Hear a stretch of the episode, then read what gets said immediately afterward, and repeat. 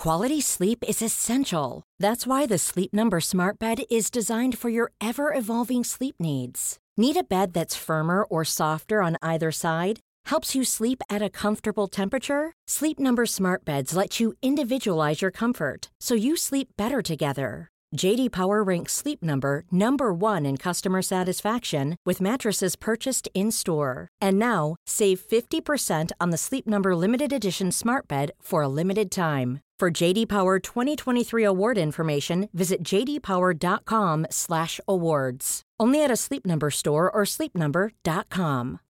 Life is full of what ifs. Some awesome, like what if AI could fold your laundry? And some, well, less awesome, like what if you have unexpected medical costs? United Healthcare can help get you covered with Health Protector Guard fixed indemnity insurance plans. They supplement your primary plan to help you manage out of pocket costs. No deductibles, no enrollment periods, and especially no more what ifs. Visit uh1.com to find the Health Protector Guard plan for you. Wow. Nice. Yeah. What you're hearing are the sounds of people everywhere putting on Bombas socks, underwear, and t-shirts made from absurdly soft materials that feel like plush clouds. Yeah, that plush. And the best part? For every item you purchase, Bombas donates another to someone facing homelessness. Bombas. Big comfort for everyone. Go to bombas.com slash ACAST and use code ACAST for 20% off your first purchase. That's bombas.com slash ACAST. Code ACAST.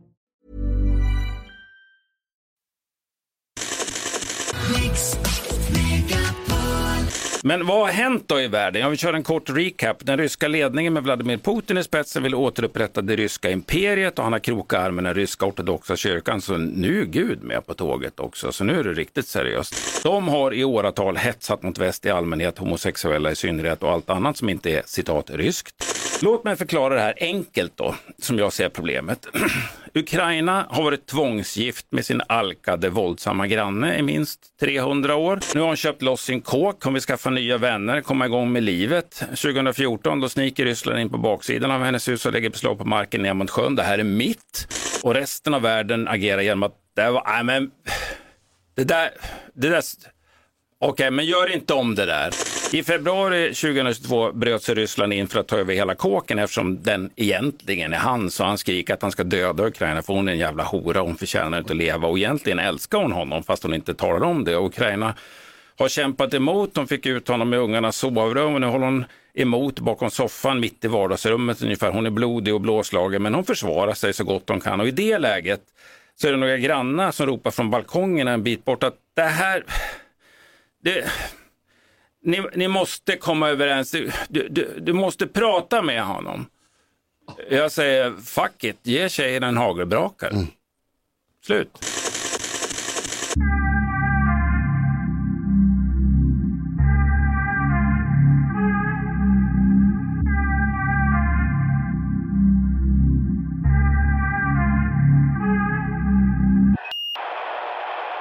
nordöstra Skåne. Ja. Det, det är nära Blekinge. Ja. Men det, det, är en gränstrakt mellan Småland, Skåne och Blekinge. Snapphanebygderna? Yes. Ja. Är det vid Visseltofta där? Eh, inte långt ifrån. Ja. Killeberg kommer jag ifrån. Min gamla bataljonschef från Libanon bodde i det. Rättare sagt ställföreträdare, men det var han som jag ansåg var min bataljonschef. Var bodde han? I Visseltofta. Ja, ja, ja. Många gamla... Ja, Christer Weidenmark. Uh, det ringer ingen klocka stor, lång månskensbonde. Fenomenalt cool i alla lägen. Men, men uh, Visseltoft är lite, lite annan, för de är lite mer åt Hässleholmshållet. Ja. Uh, han måste vara äldre än mig eller något. Ja, gud ja. Han är ju i 80-årsåldern nu. Jaha, då är det ingen jag har koll på. Vad betyder månskensbonde för någonting? Att man inte är en riktig bonde. Äh, du, alltså, du, det, man har ett vanligt jobb och sen så sköter man gården i månskenet. När man kommer Aha. tillbaka från det vanliga jobbet. Ah, okay, jag tänkte på okay. alkohol, moonshine. Nej, nej. nej. Utan, eh, han hade får och sådär tror jag, men jobbade väldigt hårt. Stor, grov karl. Han, eh, jag var operations officer i, i södra Libanon och sen så small det till, det hände någonting. Och jag var tvungen att reda ut det där. Och det var ganska komplicerat. Och då kommer han in. Eh, och så sätter han sig bakom mig och så läser han 91 Karlsson. Ja. Och så börjar skratta han och sådär. Och det han visar då för mig det är att jag är här om du behöver mig, men jag har fullt förtroende för att du löser det här jobbet. Va? Ja, ja. Det är ett jävla intressant ledarskap faktiskt. Det ska jag Eh, Han var inte Eller där det- och petade i Nej. någonting, utan han bara satt där. Liksom. Ja, men det, det är hur du tolkar det. Vad vill han säga Nej, jag egentligen? pratade med honom Ja, efteråt och han sa det var exakt det. Hans Skillnaden mellan dig och mig är att jag noterar vad andra människor gör och sen drar en slutsats av det. Okej, okej. Mm. Var du i tjänst i Libanon? Ja, Okej. Vad var det för konflikt i samband med vilken konflikt? vilka... Samma Eller konflikt. väljer ni inte? Ni bara åker Nej, dit? nej, nej, jag var i FN. Eh, Ah, Okej. Eh, Utan det var... Eh, Civil War, Vi, ja, det var ju... vi upprätthöll buffertzonen, skulle upprätthålla buffertzonen mellan Israel och... Eh, då, då, då fanns... Eh, eh, vad fan heter de? Emal i eh, Tyrus, i Tyr. Och sen började Hizbollah etablera sig i Klimaltoförbergen och byggde upp en infrastruktur där. De är ju smart Hizbollah och välfinansierade som du känner till. De har bra låtar också. Ja, musiken ska inte... Men de byggde upp då, eh, sjuk, sjukvård och infrastruktur och, och lite sådana grejer. Så att eh, de, de, de, de blev ju den stat som, som libanesiska staten inte förmådde presentera där i det området. Men jag kommer inte ihåg, vad var det under, när var Jag var inbördeskriget 1990 jag där? var där och sen så gick ju Saddam Hussein in i Kuwait då, på hösten. När, precis när jag var där. Jag vaknade på morgonen och hörde det på BBC World Service och förstod att nu blir det mycket att göra. Men sitter ni mittemellan i den här, någon demilitariserad zon Ja. då? Och, Det gör vi. så ni är krockkudde mellan israelerna och... Ja. Och så hade vi patruller. Och svenska bataljonen var en logistikbataljon, så vi såg ju till att försörja de andra FN-styrkorna i området. Det var ju oftast de tog, som tog smällen. Men jag var uppe och gick nattpatrull i gränsbergen upp mot Syrien, för att jag är ju infanteriofficer. Och jag ville se hur, hur gör man de här patrullerna på, på riktigt Ja. med, med skarp utrustning och sådär. Hur organiserar de? Vilka säkerhetsrutiner har Ja. de? Hur bär man en handgranat över tid utan att det händer någonting? Ja. Eh, Så jag var med på några sådana eh, patruller. Men Mikael, du är väl eh, född och växt upp i Östersund, om jag förstått det hela rätt. Det måste ha varit en, en oerhörd kontrast att växa upp i Östersund med fjäll och... Jag vet inte ifall Jens Skarman var född då. För han är väl från Östersund? Va? Ja. Och Men det- sen å andra sidan slängas in i en konflikt nere i Mellanöstern. Vad var det, vad var det som Finns fel fascinerade i dig? Libanon. Nej, som men alltså, jag, jag, eh, det var, ja, ja, det kan man tycka. Men, men som barn växte jag upp i Liberia. Aha. Ja, i, i- jag bodde där i två år. Och, det prä- och jag var väldigt liten, jag var väl fyra år, tre, fyra år när vi kom dit och sex när jag kom hem. Va? Men, men, men det präglar ju mig, min barndom, väldigt mycket. För det var så stor skillnad mot Östersund. Och sen Men har jag ju rest en del också innan. Liberia. Vad gör dina föräldrar där? Pappa var, då var han lokmekaniker och ansvarade för eh, driften av de här dieselelektriska loken som körde på Malmbanan från Nimbaberget och så ut till kusten, Buchanan. Där de lastades på fartyg då och sen malm, järnmalmen kördes iväg sen. Men det, det är väl nere i Afrika, Liberia? Det är ju landet när amerikanska svarta som kom från slav, som var slavättningar skulle tillbaks till Afrika och sätta Och, upp och, sitt och eget det här, land. det här gruvföretaget förmodar jag ägs av något västerländskt bolag. Det var ett konsortium mellan Gränges eh, och eh, Bethlehem Steel Corporation som hette Lamco. Så det var de svenska kapitalister och de elaka judarna som, som eh, exploaterade eh, Afrika, sån här kolonialism eller vad de kallade på vänsterkanten. Hur ska jag Afrika? förhålla mig till den utsagan, Chang, tycker du? Nej, jag, jag var Men där kanske finns någonting att, eh, att Sverige har Ja, varit men är det, med inte- är och... det inte det många på vänster skulle kalla det? Nej, men det, det vet jag inte. Va? Men, men eh, jag kan ju säga det att den sittande regimen, då, president Tubman, var ju eh, genomkorrumperad. Eh, Men det fanns då en fungerande infrastruktur, ett fungerande samhälle med skolor och sjukvård och alla de här sakerna. Va? Och Sen var det också väldigt klart, man hade gjort beräkningar på när järnmalmen i Nimbaberget skulle ta slut. Eh, så att dealen som jag kommer ihåg det var att eh, Lamco ansvarade för att bygga upp infrastruktur, järnväg, vägar, skolsystem, lite sjukvård och sådana där saker. Eh, och sen så skulle det överföras då, så att säga, när, när järnmalmen var slut och färdig att exploatera. För det var ju ett berg, så man visste ju precis hur mycket som fanns där, hur snabbt det skulle ta att exploatera det. Så skulle ju Liban, liberianska staten ta över. Och då, då rasade ju alltihopa i olika stamkonflikter och, och, och, och så. Därför att i Liberia så tror jag det finns 50 olika språk. Bassa, Kipele, Mandingi. Hur, hur Men gammal engelska var var du grundspråket. när du flyttade därifrån? Ja, sex. Så Har du något minne? Ja, från gud det? ja. Ja, du har det? Ja, väldigt starka minnen. För det enda jag har sett från Liberia det är från Vice Magazine. Då har de en dokumentär om en av de här stridande faktionerna där. Mm. Kannibalism? Typ. De, De har har en general som heter. General Butt Naked. Så Ja. efter att de tar över en by så går han in med bara stövlar och helt naken och så äter han bebisarna. Typ. Ja. Mm. Helt På riktigt? sjukt. Ja, ja, ja. Ja, de har sjuk kannibalism. Den stranden som jag lekte på, den, den körde de ner pålar i sanden och så avrättade de folk på den, på den stranden. Fick jag höra efteråt. Så. Och en, en, eh, en kollega till mig från mitt gamla regemente, han var där med en FN-mission. Och då hade de de här stridsfordon 90, CV90-vagnarna med svenska flaggan på. Och så patrullerade de och försökte liksom då stabilisera landet. Och då berättade han att vid, vid ett eller ett par tillfällen då, då kom det fram äldre män ur byarna i djungeln och grät och klappade på vagnen och sa You're back. När de såg den svenska flaggan. Shit. För att för dem, den generationen då, som var unga på 60-talet, då var ju den här närvaron då av svenskarna, det, det var Camelot. Så inte all, eh, Det, det var liksom den, den här gyllene tiden. Va? så inte all kolonialism är dålig? Eh, om du frågade folk i byarna där när General Butt Naked gick in och käkade spädbarn så, så tyckte de att det kanske fanns en uppsida också med, med, med den delen av kolonismen. Jag såg en dokumentär en gång.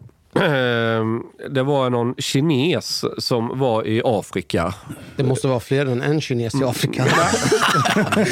Ja, men det, det, var, det var en kines. En av dem. En av dem. Kina har ju på sistone gått ganska hårt in i Afrika och köpt upp Kina och tillgång. Ryssland, ja. ja. Ja, Oh, ja. Men det, detta var i början när kineserna började liksom, det var lite nytt för dem. Men det är inte hamnar och grejer de. Eh, Ja, det var all infrastruktur. Och så ser man kinesen sitta i baksätet på en bil. Han ska försöka göra affär med den lokala eh, hövdingen eller vad det nu var, högdjuret. Eh, och, och, och han tittar liksom ut och, och kollar. Järnvägen har förfallit och vägarna var potthål och det var det och det och det. Och sen så säger han rakt ut till den här eh, afrikanen då att det, det värsta som kunde hända er, jag tror det var britterna som hade haft det området.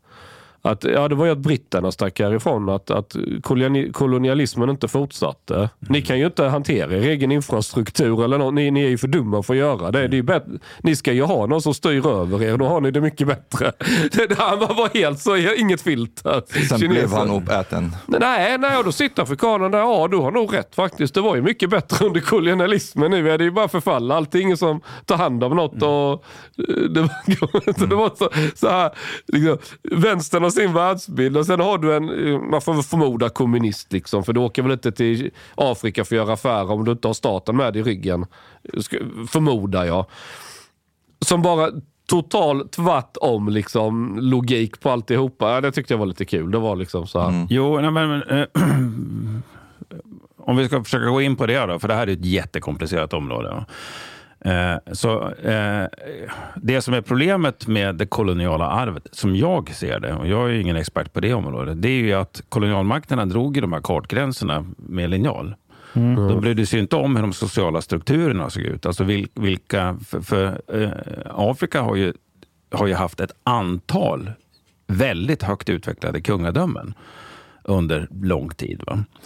Där de har haft sin administration och där de har haft skatteuppbörd och de har, de har liksom haft ett väldigt sofistikerat styrsystem. Och sen kommer kolonialmakterna och bara slå sönder det och dra gränsen rakt genom ett sånt land till exempel. Man drar gränsen rakt genom östra, eh, öst, vä- Västgö, Västergötland och delar Sverige på mitten.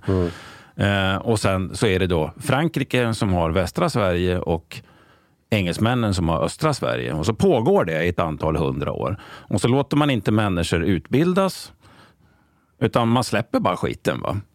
när, när svenskarna och i, här, i mitt exempel då, har, har eh, skött enkla arbetsuppgifter och det har uppstått olika konflikter mellan de här olika grupperingarna. Och så släpper man skiten och så säger man lycka till. Det är klart att det blir problem. Va? Eh, och sen är frågan hur lång tid ska det ta att reda ut de här problemen när man har de här staterna? Ska det ta 50 år eller ska det ta 100 år? Man kanske behöver rita om kartan igen. Ja, det kanske man behöver göra. Och, och nu sticker jag ut hakan då, ordentligt. Ta till exempel ett land som Irak. Som jag har en nordlig del som är kurdisk. Ja.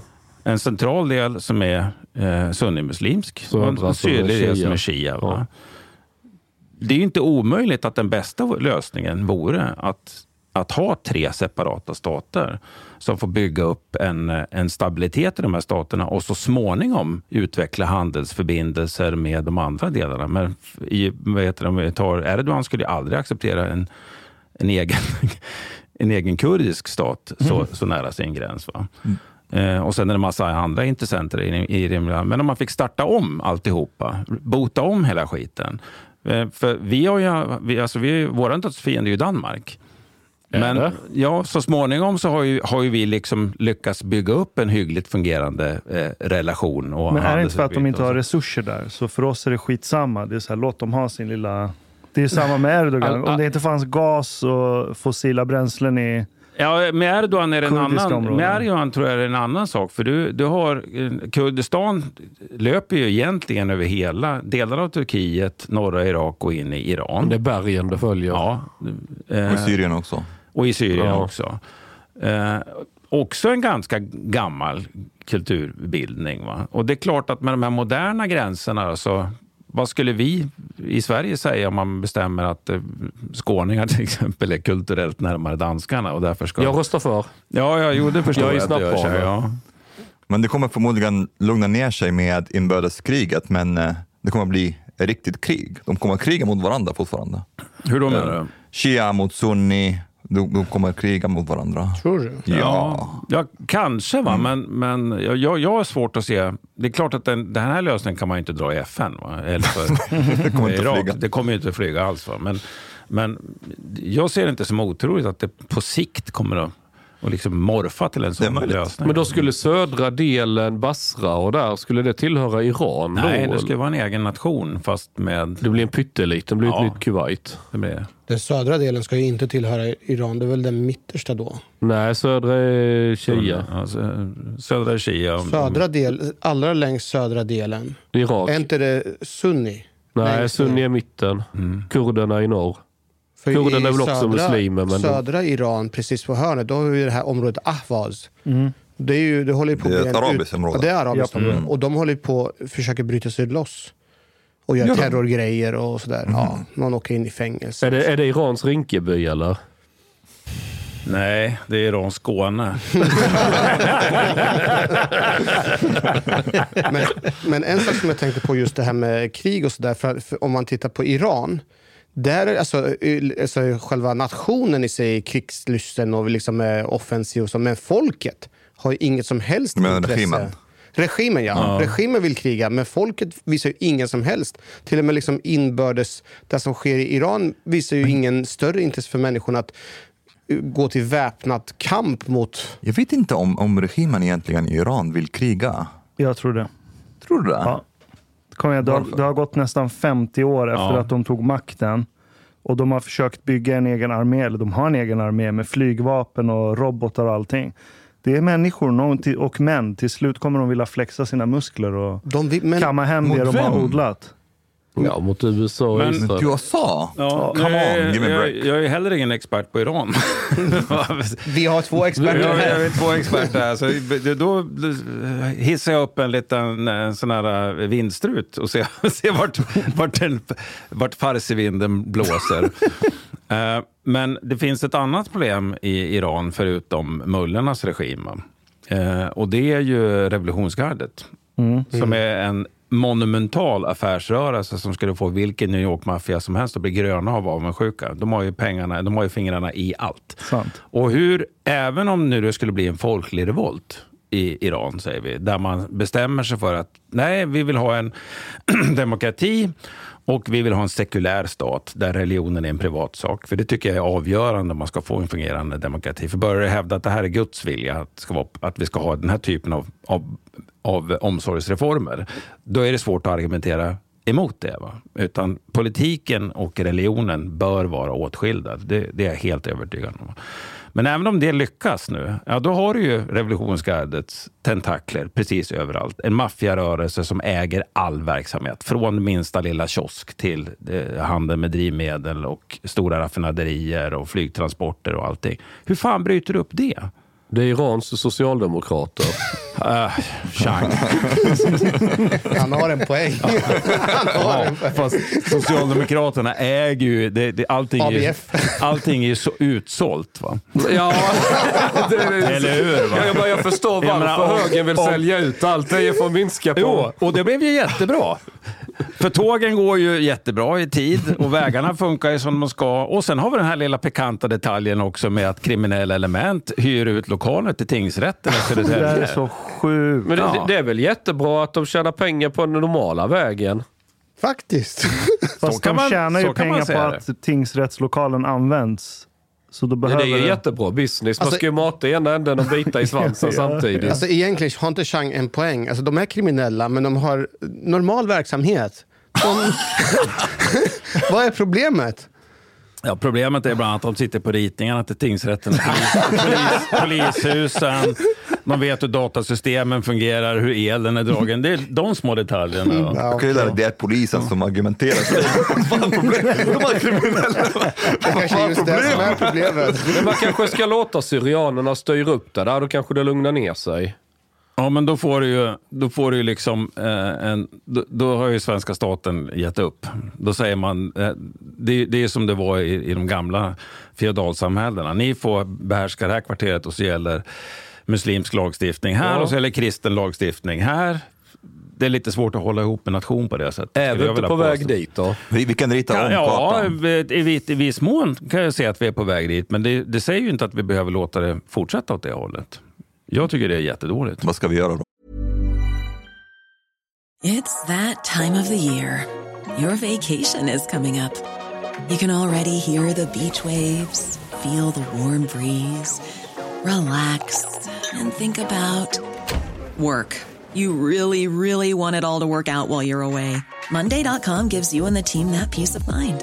When all work is on one platform and everyone's in sync, things just flow wherever you are. Tap the banner to go to Monday.com. Hi, I'm Daniel, founder of Pretty Litter. Did you know cats tend to hide symptoms of sickness and pain? I learned this the hard way after losing my cat, Gingy. So I created Pretty Litter, a health monitoring litter that helps detect early signs of illness by changing colors, saving you money and potentially your cat's life. Pretty Litter is veterinarian developed, and it's the easiest way to keep tabs on your fur baby's health right at home. Go to prettylitter.com and use code ACAST for 20% off your first order and a free cat toy. Terms and conditions apply. See site for details. Lagföra folk som begår brott, såklart. Det är jättekontroversiellt. Och Omar vill ha roligare tag. Ja. Men Micke, jag tänker ändå på allt eh, kunskaper som du har, du har varit ute och jobbat. Det måste vara väldigt annorlunda när man ändå jobbar inom den branschen som du jobbar, tänker jag. Som pajas. Nej, men som skådespelare och Ja. ja. allt som där du gör. För du har ju gjort så sjukt mycket. Du är en militärpajas. Ja, militärpajas. Nej, nej, men... ehm, jo, jag har gjort eh, mycket. Eh, och vi har, jag har försökt någon gång för analysera vad, vad det beror på. Att det är så många olika grejer. Och den röda tråd som jag har träffat och som, som faktiskt en, en ung journalist som skrev för en eh, tidning som, där de var eh, funktionshindrade, hade liksom fun- mentala funktionshandikapp. Eh, hon lyckades direkt säga, ja men det du alltid har varit intresserad av, det är ju människor. Mm. Och jag insåg att hon hade rätt. Va? Hon, hon var den första som, som såg det. För jag har jobbat inom sjukvården, jag är utbildad undersköterska, jag har jobbat i försvaret och har varit aktiv till för något år sedan. Eh, jag har alltid varit samhällsintresserad. Eh, och sen har jag jobbat som managementkonsult och jobbat med förändringsprocesser i organisationer. Vad är, vad är det som händer när en organisation ska gå från den här verksamheten till en annan verksamhet? Och den röda tråden är det att jag tycker om att analysera hur människor arbetar ihop. Vad är det som får människor att göra vissa saker? Jag är intresserad av historia av samma skäl. Därför att eh, jag tycker att historia är människor som fattar beslut. Historiskt. Och om jag då förstår hur var kulturen i det här sammanhanget? Eh, vilka var drivkrafterna hos de här människorna? Hur såg det ut ekonomiskt och vilka tendenser fanns det i samhället? Då kan man känna igen ett beteende. Man kan känna igen att det finns de här förutsättningarna. Eh, som till exempel, ja, det här provades i Tyskland på 30-talet. Och nu är vi på väg att prova samma sak igen. Är det en bra idé? Vad, vad syftar du på specifikt? Nej, men om, om man tittar, jag, jag, jag har ju problem med den framväxande nationalismen. Jag Vad är ditt problem med det? Eh, ja, jag, är- jag är patriot. Ja. Jag får klara ut det först. Om. Annars jobbar man ju inte hela sitt liv i Försvarsmakten. Men jag tycker att nationalismen som ideologi är, är problematisk. Därför att då ska du börja definiera vem är svensk?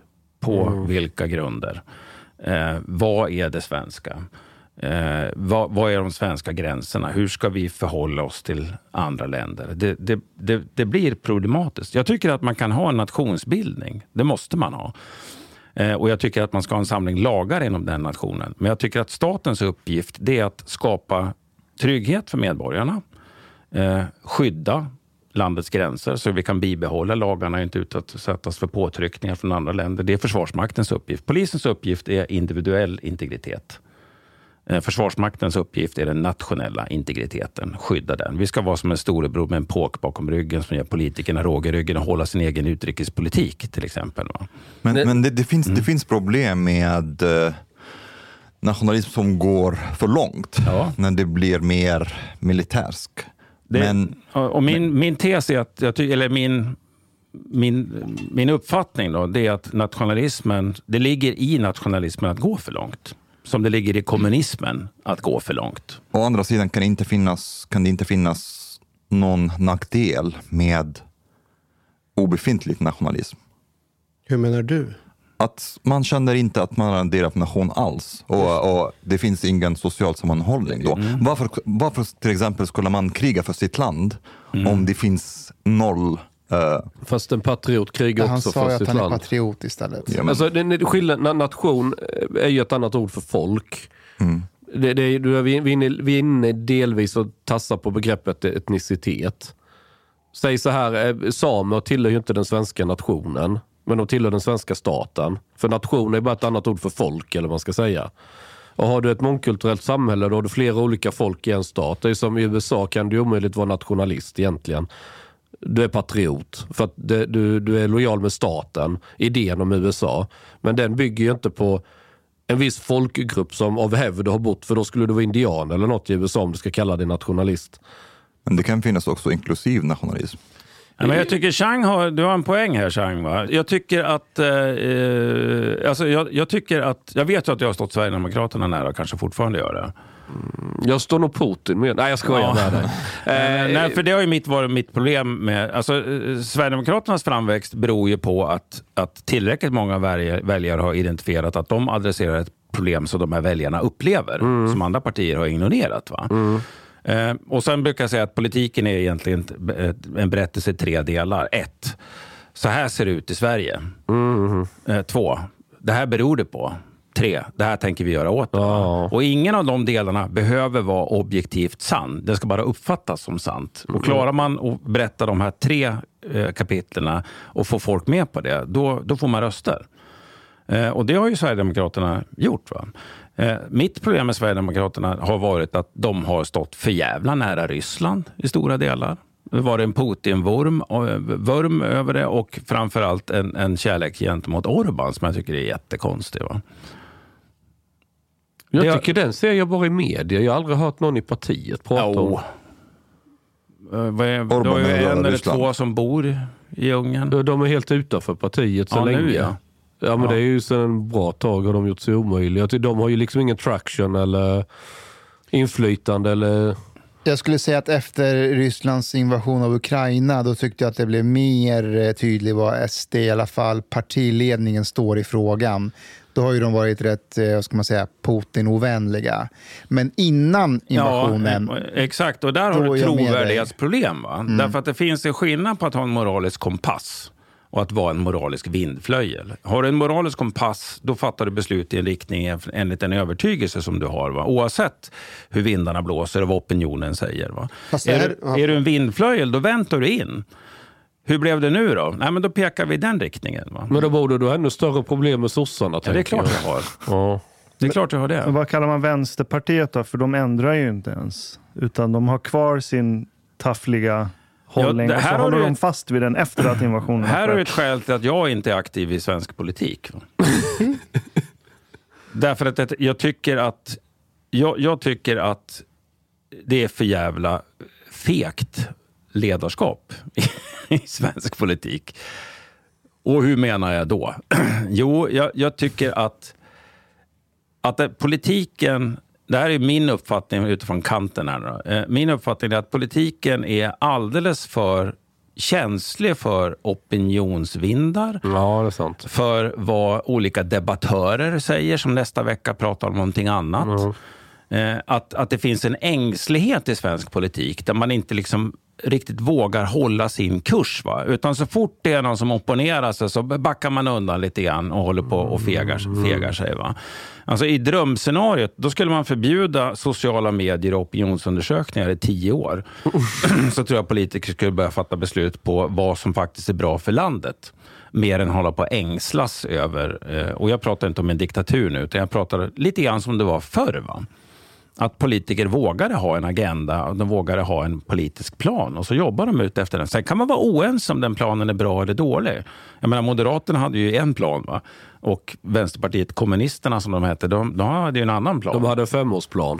Ja, eh, och, och där kan man ju ha en debatt om det. Va? Men, men jag tycker att det finns en jävla ängslighet där man snabbt byter riktning och backar och ber om ursäkt. Va? Det är väl i sådana fall Miljöpartiet som inte skiftar så mycket. Jag skulle säga SD, Nej. Vänsterpartiet och Miljöpartiet, de skiftar inte så mycket. Fast Miljöpartiet var ganska liberala när de grundades. Fast nu har de gått mer och mer och blivit Ja, men in- woke och lefties. Men jag tror inte att det handlar om opinionen egentligen. De ändras, de är lite uh, weird organism. Men, eh, men eh, det, är, det handlar inte om opinionen. Tror inte Nej. De bryr sig inte om opinionen. Nej. Det är det som är deras största problem. För det finns en stor ungdomsrörelse för just miljön. Men de lyckas ju inte attrahera dem. Det finns väl ingen ungdomsrörelse för miljön? Generation Greta var ju bara en bluff. Det har kommit mätningar som visar att det var i medierna det, det finns den här bilden av en miljöengagerad ungdom. Men, när man Men gör- vad då de här bilderna vi ser massor med ungdomar som demonstrerar på fredagar. Är det, är det Ja, Hur många är de? 25 personer? Vänta nu. Det har varit samlats över hundratusentals hela Europa. Nej, men oaktat... Eller menar, har du menar de i Tyskland eller? Nej, Ja. men så här, vad heter det? Friday for Future. Och Det- där det de har har, blivit- Är det Fridays stopp i, for är det Palestina nu. i Sverige? Det har väl varit massor med demonstrationer runt om i världen. Det har varit jättemycket folk, eller Men var inte ungdomar. det bara medieflugor som dog sen? Det var inte var det media som placerade ungdomarna i en demonstration? Jag fattar inte.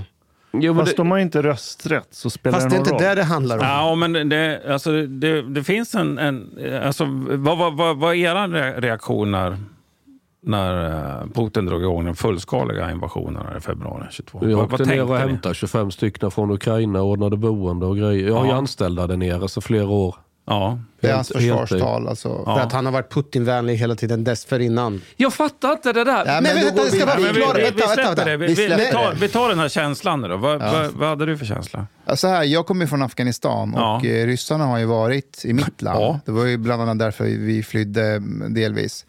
Eh, så för mig... Notera alltså, inte talibanerna, det var ryssarna som var Ja. Okej, Ja, men på jag 70-talet. jävlas med dig. Så det var ju, du vet, jag kände lite så här att shit, kan de komma hit också? Sverige är mitt land och jag var ju, jag var ju skräckslagen att det var så nära. Det Var du klart. verkligen skräckslagen? Ja, men alltså... Darrar du på kvällarna och bad Okej, det var ingen trevlig känsla. Jag tyckte det var Mycket testosteron här inne tycker jag. Ja, låtsas testosteron. Vad din? Ja, i- Och man känner inte så mycket, men Berätta vad inte du tänkte. mig. Jag, tän- jag tänker att eh, jag tänker fortfarande att, att eh, väst behöver... Uk- Ukraina behöver mycket mer stöd. Mm. Än, Och där är vi helt ense. ja.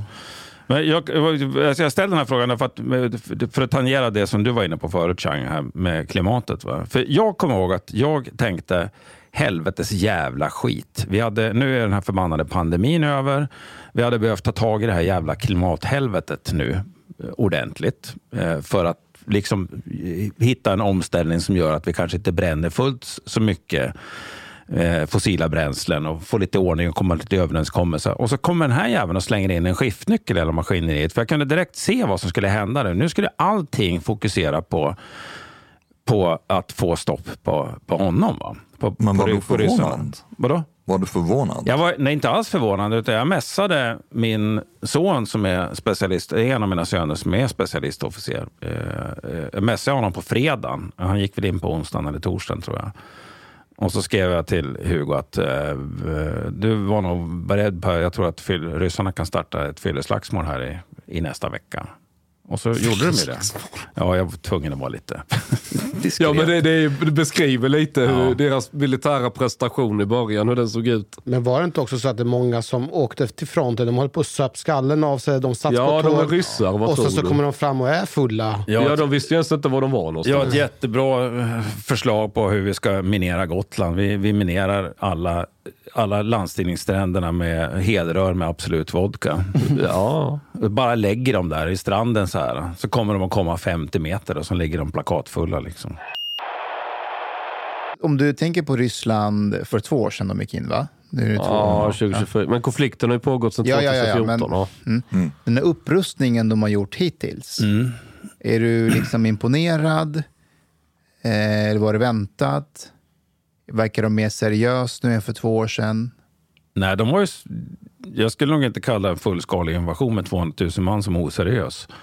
För Nej, det var ju nej, nej, det, var de militär, gjorde. va? alltså, men- Upprustningen men- menar du? Upprustningen. Ja, de, eh, ett, det är klart att de har missbedömt ukrainska försvarsviljan och ukrainska förmågan. Framför allt har de missbedömt kraftigt. Då. Men det var ganska nära ögat vid Hostomel-flygplatsen att de lyckades ta den.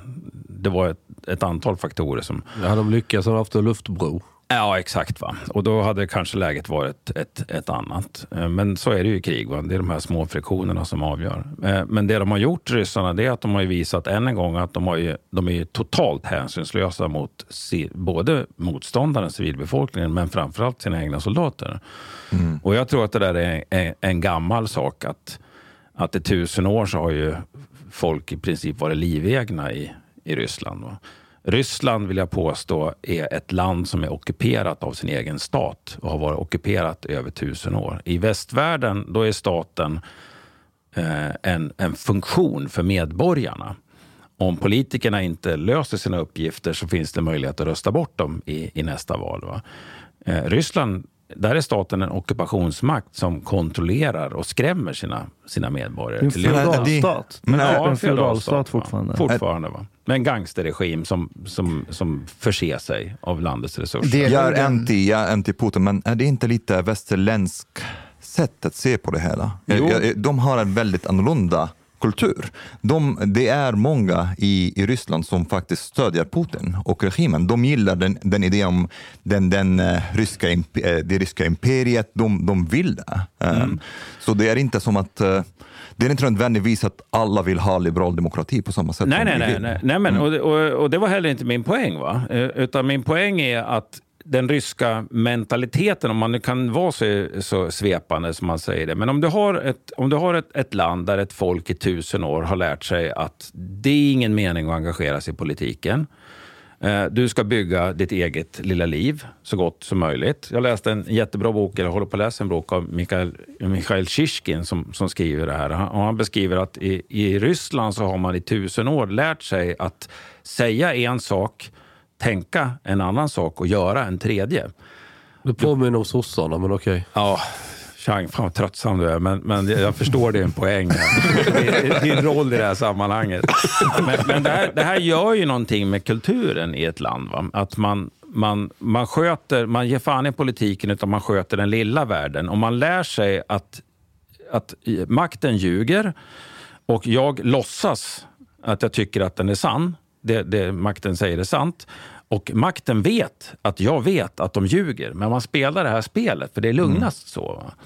Så då är frågan, det är säkert jättemånga ryssar som tycker att det här är jättebra. Men de har ju också blivit indoktrinerade i minst 15 år med en antivästpropaganda. Med Sauli Niinistö, Finlands nu avgående president, han, han beskriver hur, hur Putin verkligen tror och signalerar till ryska folket att västerländska människor, inte västerländska stater, utan vi som medborgare är veka, eh, vi är degenererade och eh, Rysslands uppgift det var ett kristet bålverk mot eh, hbtq-feminismen. Som ju är ett jätteproblem i allas vardag. Att någon bestämmer sig för att byta kön. Det är väl ingenting som direkt påverkar någon av er som sitter här runt bordet. Va? Nej, men är det inte egentligen själva värderingarna som ryss, ryss, ryssarna är emot? De vill inte ha de här värderingarna och värderingarna som finns här hos oss hotar ju den eh, ryska makten. Jo, men det, ja, exakt. Det är det, som är grund, det är det som är grundskälet. Jag tror att eh, eh, för det första så är ju, som jag har läst då om Ryssland och Rysslands historia, så är ryssarna är ju då det, liksom det utvalda folket bland slaverna. De är lite finare och lite bättre. De behandlar ju de andra delrepublikerna som skit. Va? Och I deras försvarsmakt så har det funnits ett, eller finns ett farfarssystem som innebär att du gör militärtjänsten i två år och ett av de åren, så när du är junior, då får du bara stryk och blir våldtagen. Diedushka heter det. Ja, farfarsystemet. Ja. Och du får stryk så inåt helvete. Och det är klart att det gör någonting med människor. Befälet som föraktar sina soldater och misshandlar dem. Soldaterna som super och misshandlar varandra. Ja, kommer man då till Butja så inte börjar man behandla folk där väl. va? Utan det här, det här är liksom då implementerat i hela den ryska militären. Det här med den här otroliga våldsutövningen och föraktet för människoliv. Det är det som gör att, jag, jag har läst då folk, eller historiker som säger att man ska minnas att Ryssland, Sovjetunionen förlorade 20 000 människor. Ja, det är hemskt.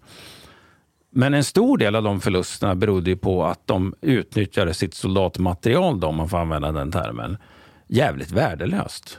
Med massanfall, eh, ingen som helst omtanke om soldaterna. Men det är en feature, not a bug. Ja, det är, exakt. Det är deras, det är deras grej. Va? Och det är det som är hotet mot Ukraina nu. Det är att de skit, alltså ryssarna skiter i om de förlorar 500 000 eller en miljon. Mm. För de har mer att ta av.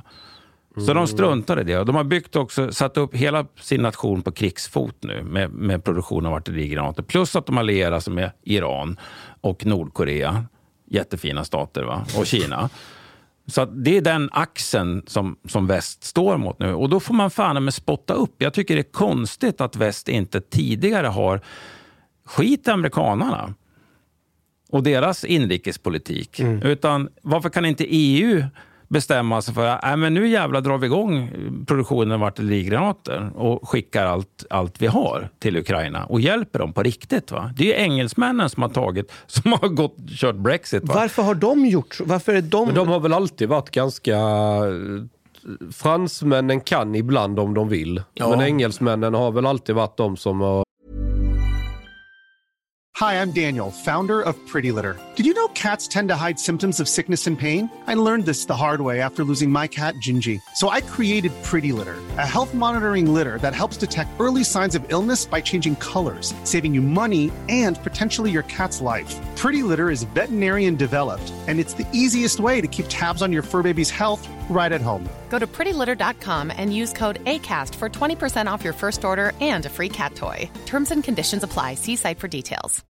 Imagine the softest sheets you've ever felt. Now imagine them getting even softer over time. That's what you'll feel with Bowl and Branch's organic cotton sheets. In a recent customer survey, 96% replied that Bowl and Branch sheets get softer with every wash. Start getting your best night's sleep in these sheets that get softer and softer for years to come. Try their sheets with a 30-night guarantee. Plus, get 15% off your first order at bowlandbranch.com. Code BUTTERY. Exclusions apply. See site for details.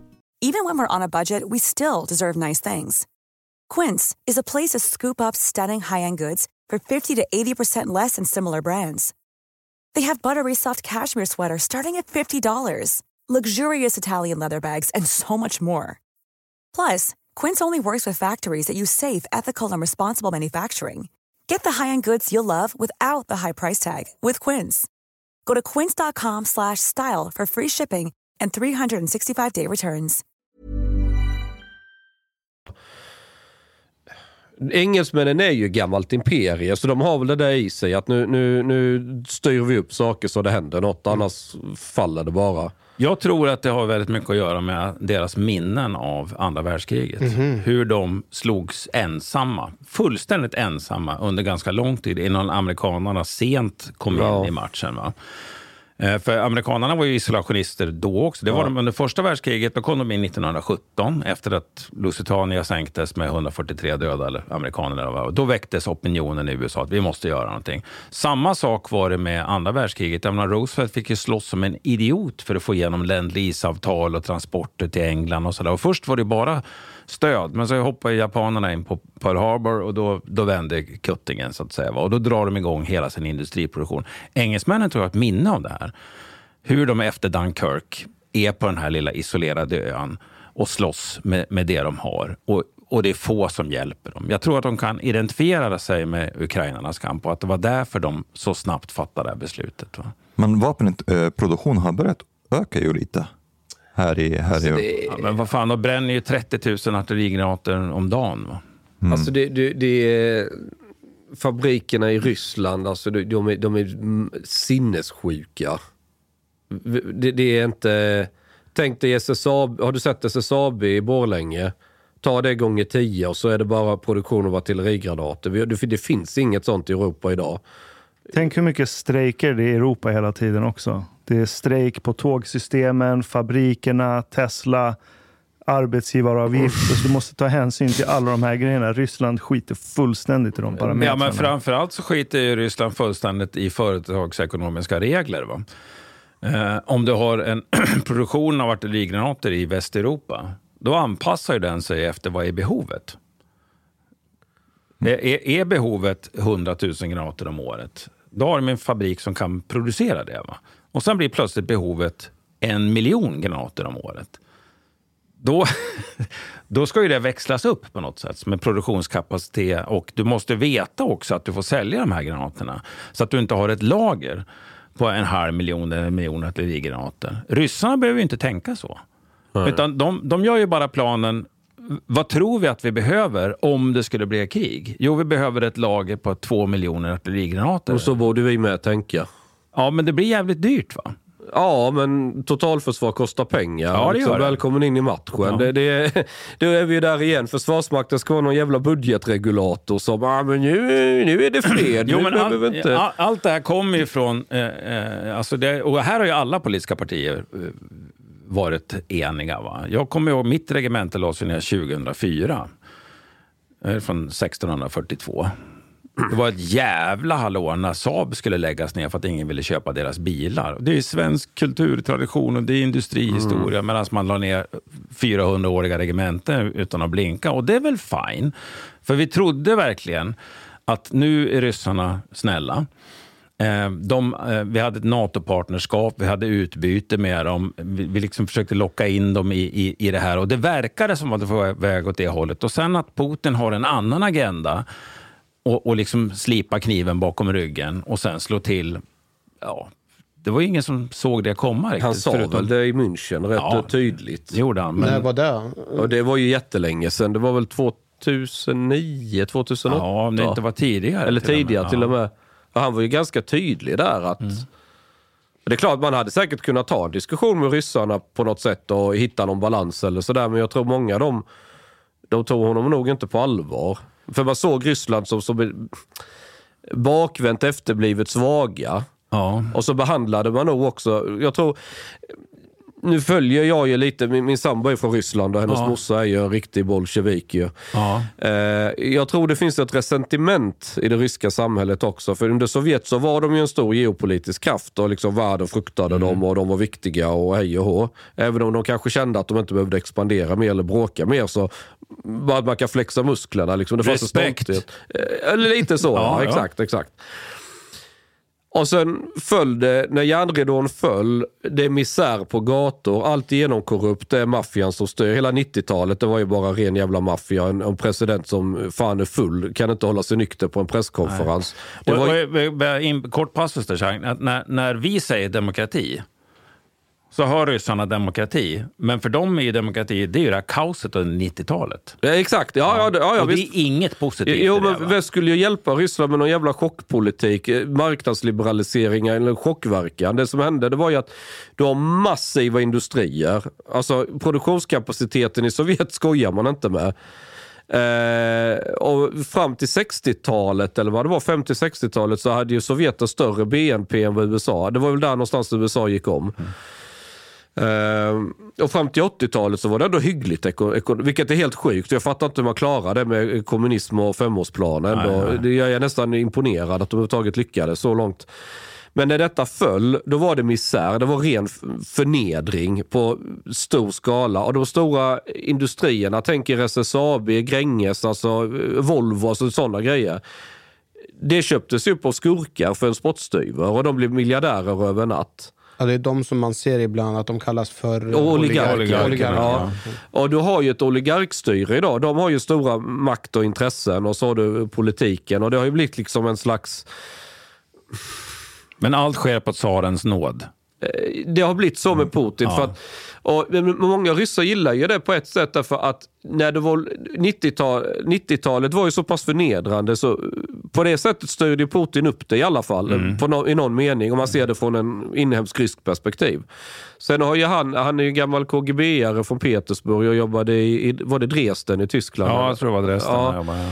Och, och han har format sin världsbild från det ju. Och han är ju kvar. Det, jag brukar säga att den, man har en geopolitisk fantomsmatta. Att man, Ja. man, man saknar ju de här gamla gränserna Sovjet och man vill tillbaka dit Men det är ju bara att någonstans. titta på britterna och Brexit. Det är ju ett, det är, det, de har ju självbilden att de fortfarande är ett imperium. Ja, ja, visst. Ja, det här vi kommer klara oss bättre utan Europa, för Ja. vi är egentligen ett imperium. Ja, Nej, ja. det är ni inte.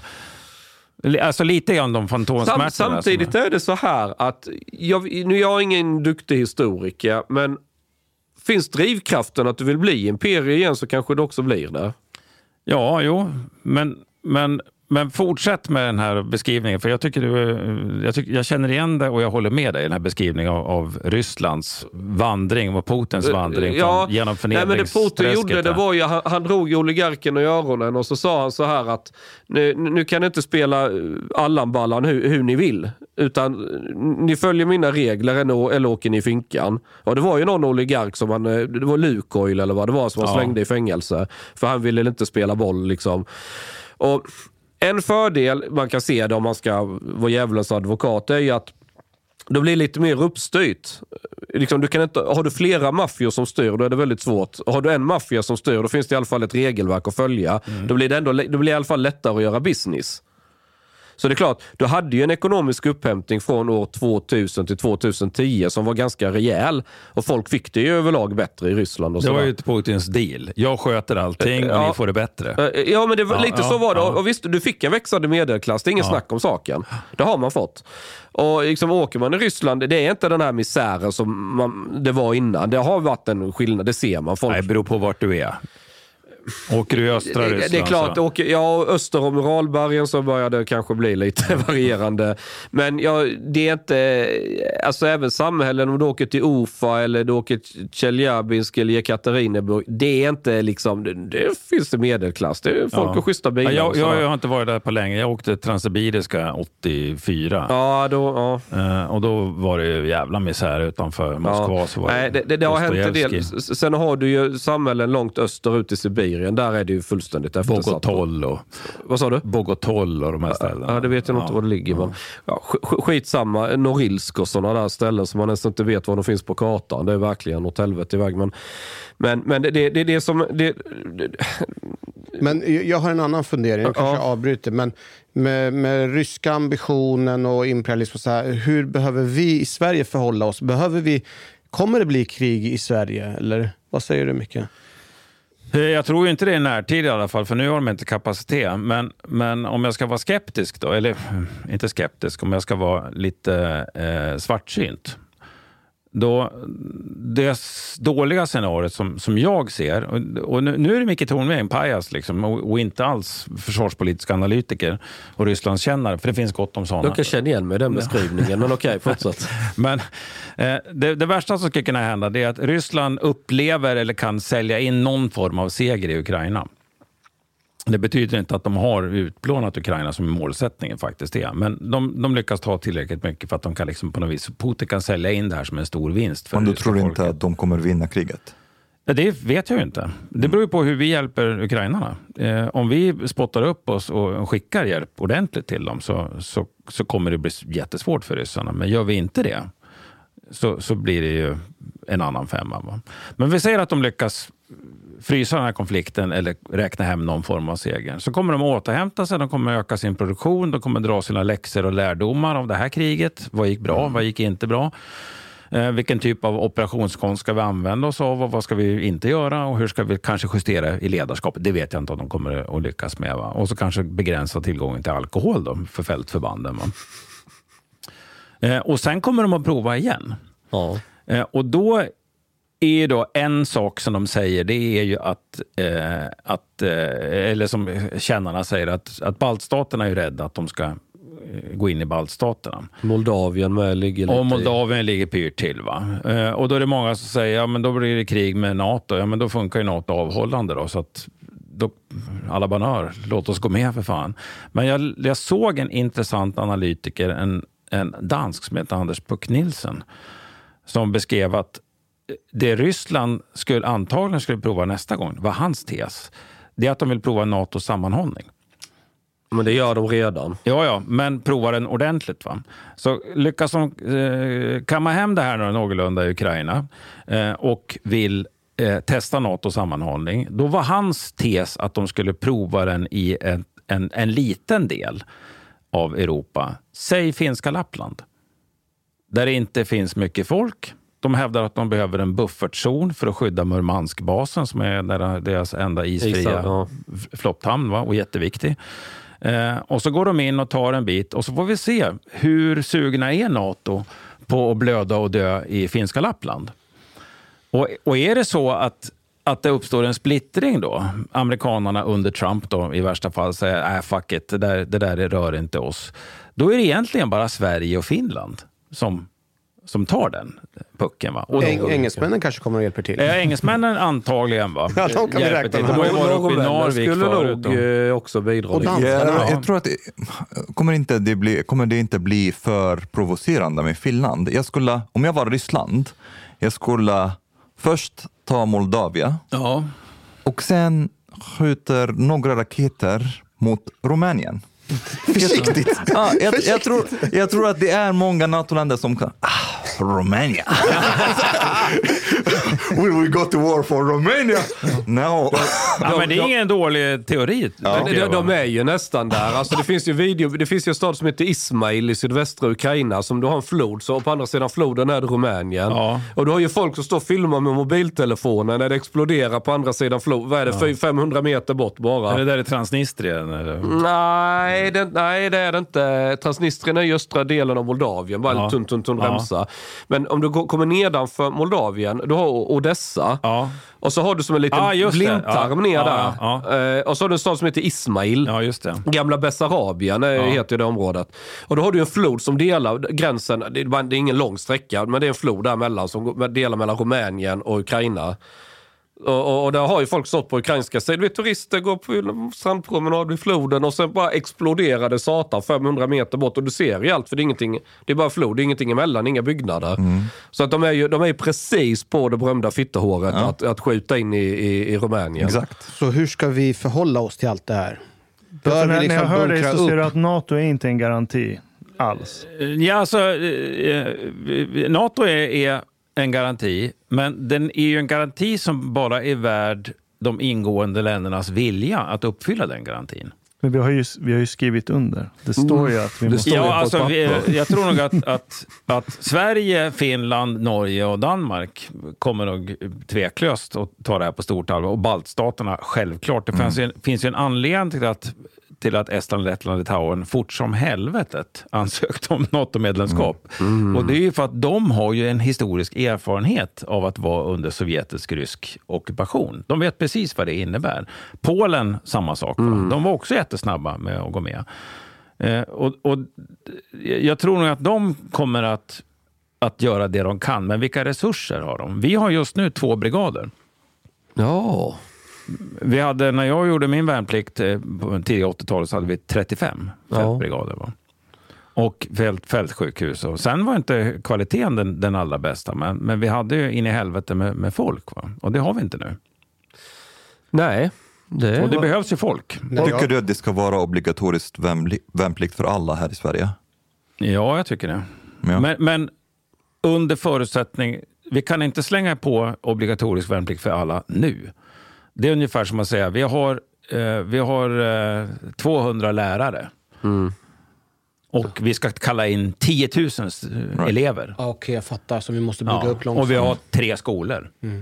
Det, vi måste bygga upp den förmågan med officerare först och en infrastruktur och utbildningsplatser och övningsterräng och alla de här grejerna. Ha, har vi sålt den kompetensen kvar efter att vi la ner allting? Ja, kompetensen finns, men, men för, de är duktiga de som jobbar i Försvarsmakten, men de är alldeles för få. Mm. Det var, en, det var någon som uttryckte det, jag tycker det var väldigt bra sagt, han sa vi har ett bonsai-försvar. Det är extremt välvårdat, men det är väldigt litet. jag vet inte vem det var som sa det, men det, jag tycker det är en bra, bra beskrivning. Ja, men lite så. En annan Ja. reflektion eh, som jag har det är att när jag hör er prata, eller när ni, när ni pratar om NATO, så jag vill nästan lite grann zooma ut. Jag, jag tycker inte riktigt att det angår mig. Jag tror inte på det här. Det här med kriget, så här, det är så långt borta. Mm. Hela den här andra idén med att vi var ett humanitärt stormakt lät ju mer intressant. Eh, Intressant att du tar och, upp det. Och, och, och, nu ska vi liksom backa tillbaka med den humanitära stormakten och satsa våra pengar och resurser på NATO och grejer. Angår det verkligen mig överhuvudtaget? Alltså jag, jag, vill inte, jag är inte så intresserad. Liksom. Ska, ska, jag, ska jag svara honom med det du sa? jag läste en intervju med dig. Du, du sa, jag tycker att svenska folket är som bortskämda barn som har tappat förmågan att tänka och planera själva. Vad menar du? Jag tänker ändå att jag har ett bra liv. Ja, men eh, om vi tar, eh, och det står jag för fortfarande. Fast det är hårdraget naturligtvis. Okej. Eh, det, är- men, men det finns också en, en eh, jaha, nu gick strömmen, vad gör jag nu då? Nu måste samhället göra någonting. Ja, ja, du kan väl börja med att du tappar upp lite vatten och plocka fram några stearinljus som du förhoppningsvis har hemma och en ficklampa kanske. Och så får vi se vad som händer. Va? Förr eller senare kommer strömmen tillbaka. Så att, eh, Jag skulle säga, jag skulle ta fram min iPhone. Där finns det ju batteri. Ja, ett tag. ett tag finns det det. Men om vi börjar med den humanitära stormakten då. Jag var, och då vill jag ställa en utmanande fråga. Var vi det? Nej. Vi trodde att vi var det. Vår Exakt. självbild var att vi var Jag, det. jag vill ju hävda att det är den socialdemokratiska självbilden. Att vi var en humanitär stormakt. Eh, ska jag vara riktigt hård kan jag säga det att vi åkte runt som världspolitikens powerpoint-presentatörer och pekade och berättade hur det ska vara. Men vad är effekten av det idag? För 50 miljarder också vill jag tillägga. Ja, i, idag så, så, Jag så kan finns det ett antal problem. Ja, kom. Ja, alltså vi har stött, stöttat många olika länder, länder och byggt upp ändå så att flickor har fått gå i skolan. Vi har jobbat så att kvinnor får ha det bättre. Så att på många plan så har vi varit med och bidragit väldigt De mycket. har gått i skola styrd av Hamas. Med våra pengar. Men, eh, men utifrån eh, hur, hur jag ser på det här så lite spill får man ha. Alltså, när man är humanitär stormakt, man måste fördela resurserna och man kan inte alltid 100% garantera att allting går enligt planerna. Hamas där, talibanerna där, lite andra grejer där. Det får man på köpet liksom. Nej, men jag, jag håller med dig. Va? Det, och, och jag tycker att det humanitära biståndet har, har varit viktigt. För det har gått till demokratirörelser Ja. också. Det har gått till skolor och sådär. Men, Kvinnorörelse. Men, men en del av det har ju varit ganska felriktat. Som, En del i det, precis Nej, som inte allt en del. annat. Det, det mesta av slå- äh, Det Majoriteten ja, har ju varit Robert det. Mugabe och, och Ja. Zimbabwe är väl ett praktexempel va? på att det kanske inte gick riktigt, riktigt som man hade tänkt sig. Va? Det är bara en väldigt liten andel fast, egentligen Fast som, ändå, som gör i nytta. ambitionen att vilja gott så blir det lite spill. I ambitionen. Jo, men, men om vi skiljer på, på det då, om vi skiljer på effekterna av, av biståndspolitiken, det är en sak. Men, men jag tror att den, den här självbilden om att vi var jävligt viktiga för världsfreden, den tror jag inte riktigt stämmer. Va? Därför att Okej. Du har lyssnat så här långt. På Gista måltid. En mycket fin radioprogram i Sverige. Du tycker det är mycket trevligt. Men, lyssna på mig nu. Det här var inte hela avsnittet. Det var bara en liten smakprov. Hela avsnittet är nämligen mycket längre. Om du vill lyssna på alla hela avsnitten, då du måste betala biljett på klubb Gista måltid. De har grabbarna de behöver pengar. Flis. Lax. Stolar. För att betala räkningar. Shoppa blodpudding till familjen. Åka tunnelbana. Eller dricka en kall Norrlands guldpåteservering ibland. Läs i beskrivning för avsnitt, där det finns information för att bli medlem på klubb Gista måltid. Det kostar som ett par kaffe latte ute på torget. Per månad. Som ett paketerbjudande, helt enkelt. Lätt som en plätt. Tack, min vän.